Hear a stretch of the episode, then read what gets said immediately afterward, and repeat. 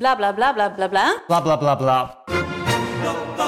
Idealen zijn prachtig, maar woorden verliezen betekenis als je niks doet. Dus laten we met z'n allen wat minder praten en meer doen. Bij Agmea zijn wij vast begonnen. Zo gaan wij voor minder verkeersslachtoffers, gezonde werknemers en duurzame woningen. Waar ga jij voor? Kijk op www.werkenbijagmea.nl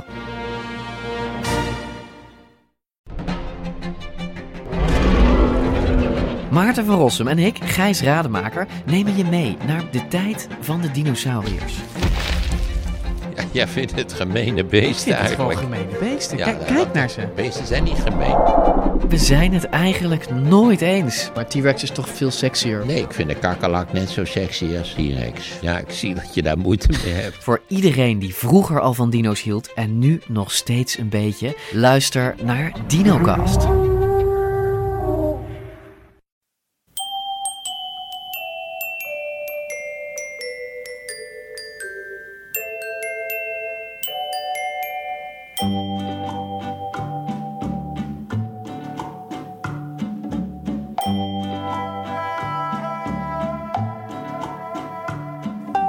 Welkom bij aflevering 51 van de Echt Gebeurd podcast. Waar echt gebeurde verhalen worden verteld door de mensen die het zelf hebben meegemaakt. In deze podcast een verhaal van Johan Petit. Het thema van de Echt Gebeurd middag was duisternis.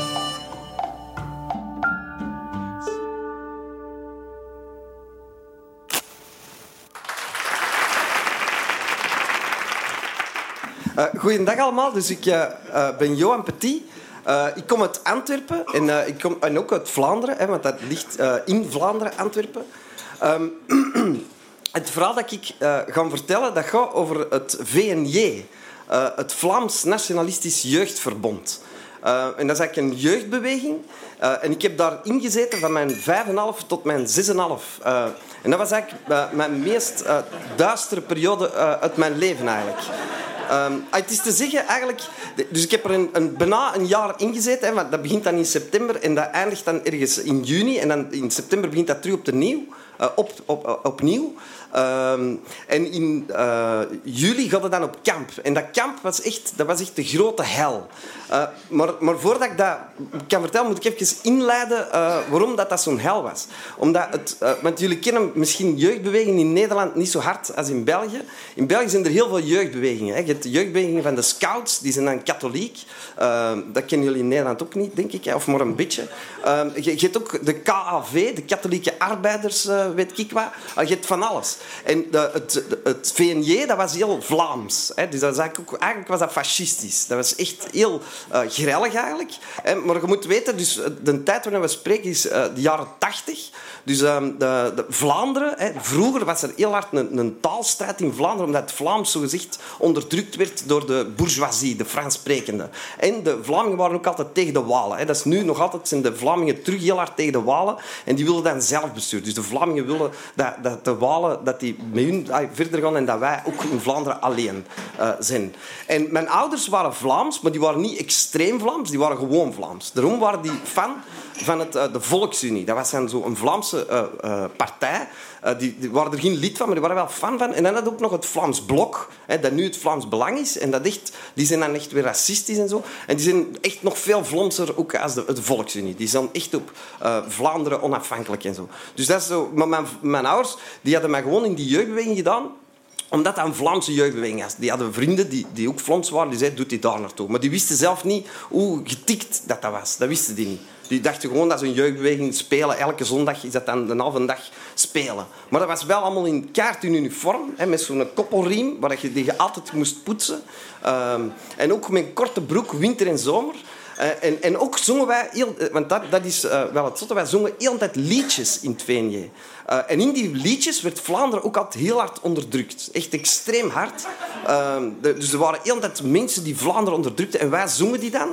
En al die liedjes, ik ken die nu nog altijd allemaal. Hè. Dus dan, dan zongen we bijvoorbeeld... Kom vindel, jongen, een lied gezongen, want jong zijn, dat is fijn. Geen wind of regen, die houdt ons tegen, omdat wij Vlaming zijn. Eh, of eh, bijvoorbeeld schoon klaart de dag, hoog waait de vlag. Wie niet dapper is, kan bij ons niet staan. Wie niet sterven wil, moeten ondergaan. Kom nu de harde strijd, wij zijn bereid. Eh, En dus, eh, dat, dat gaat allemaal zo van die zinnen, gelijk als de wekroep eh, van de jeugd. De wekroep van de jeugd moest Vlaanderen wakker schudden. En ik wist totaal niet wat dat was, een wekroep, maar ik vond dat wel allemaal goed. En, en ik, we hadden echt het gevoel dat wij strijders, als dus zesjarigen, dat wij strijders, dat wij ridders voor Vlaanderen waren. Dus echt, wij, wij, wij, speelden zo spelletjes met zo schilden van vuilbakken en met, met stokken. En dan, dan was altijd allemaal tegen de Walen. Hè, want dat de Walen waren de grote vijanden. En eh, in onze verbeelding ook, als we dan zo ergens een Belgische vlag zagen roepen, hè, want België, dat was... Hè, dat- dan eh, riepen allemaal van de Belgische vod, die scheuren we kapot. De Belgische vod, die scheuren... En België barst. België barst. En dat vonden wij allemaal ongelooflijk plezant. Dat was echt... We hadden echt het gevoel, en dat is een fantastisch gevoel, dat je onoverwinnelijk bent. Dat, je, dat, je, dat is iets heel graaf. Als je kind bent, dan je niet het gevoel dat je kunt doodgaan.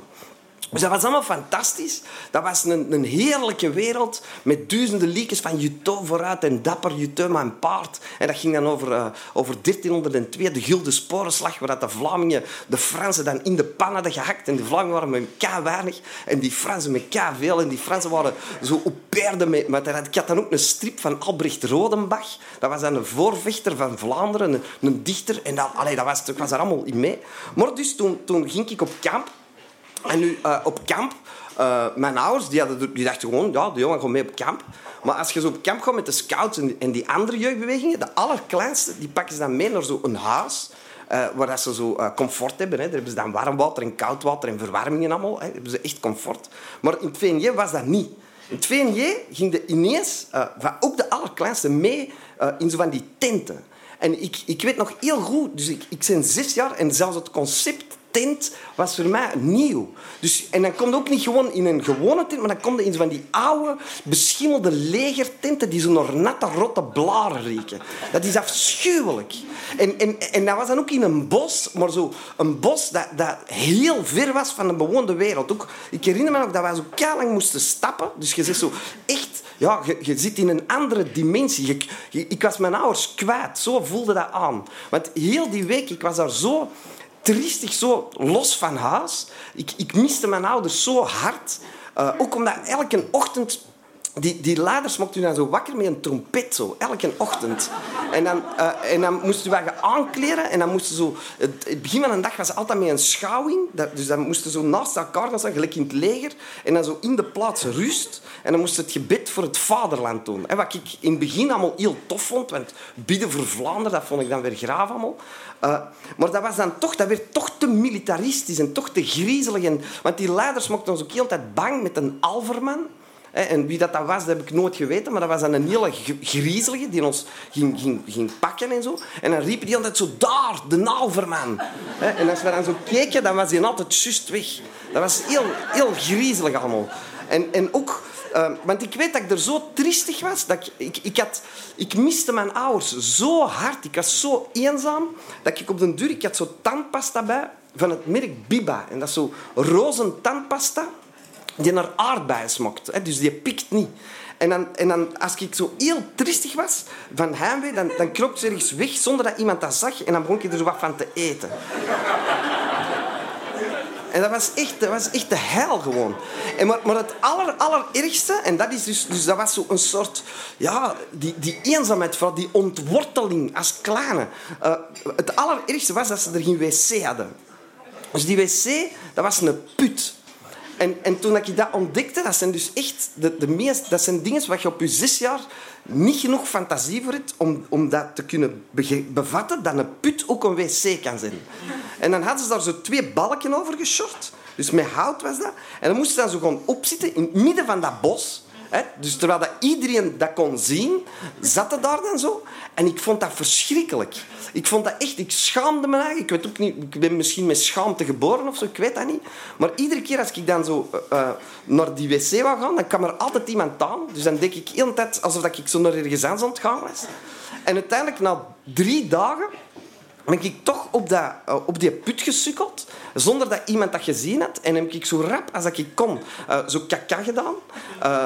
En, en, eh, en ik weet nog dat ik daarna eh, echt opgelucht was. Dat ik dacht van, ja, eigenlijk zo erg was dat niet. Eh, en dat ik dacht van, ja, ik moet er niet zo druk in maken. En op dat moment dat ik die dingen denk, keek ik zo opzij.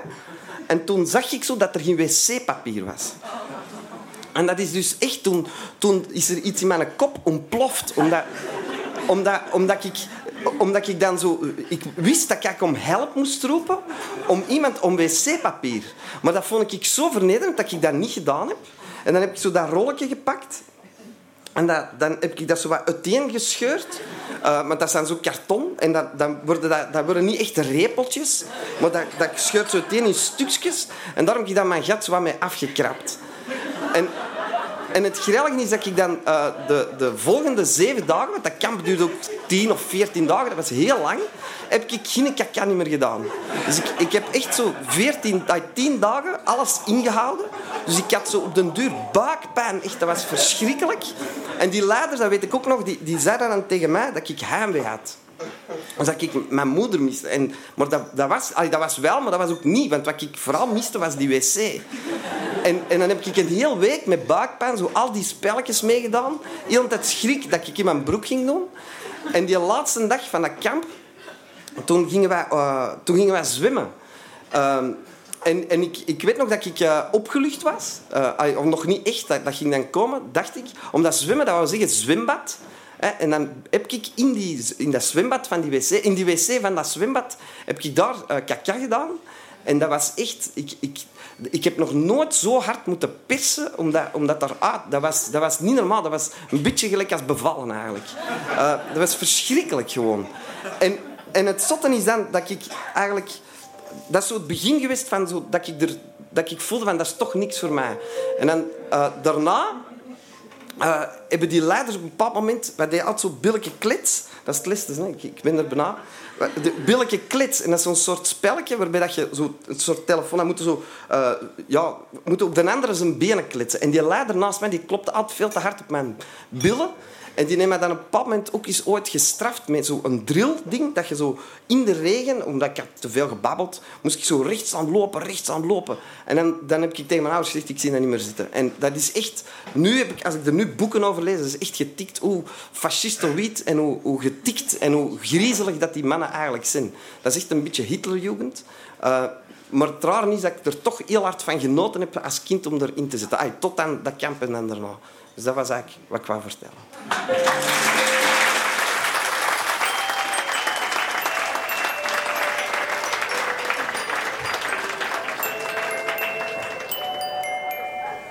Dat was Johan Petit, een Vlaamse toneelmaker die doet hopen dat er snel weer een goede verbinding is tussen Amsterdam en Antwerpen.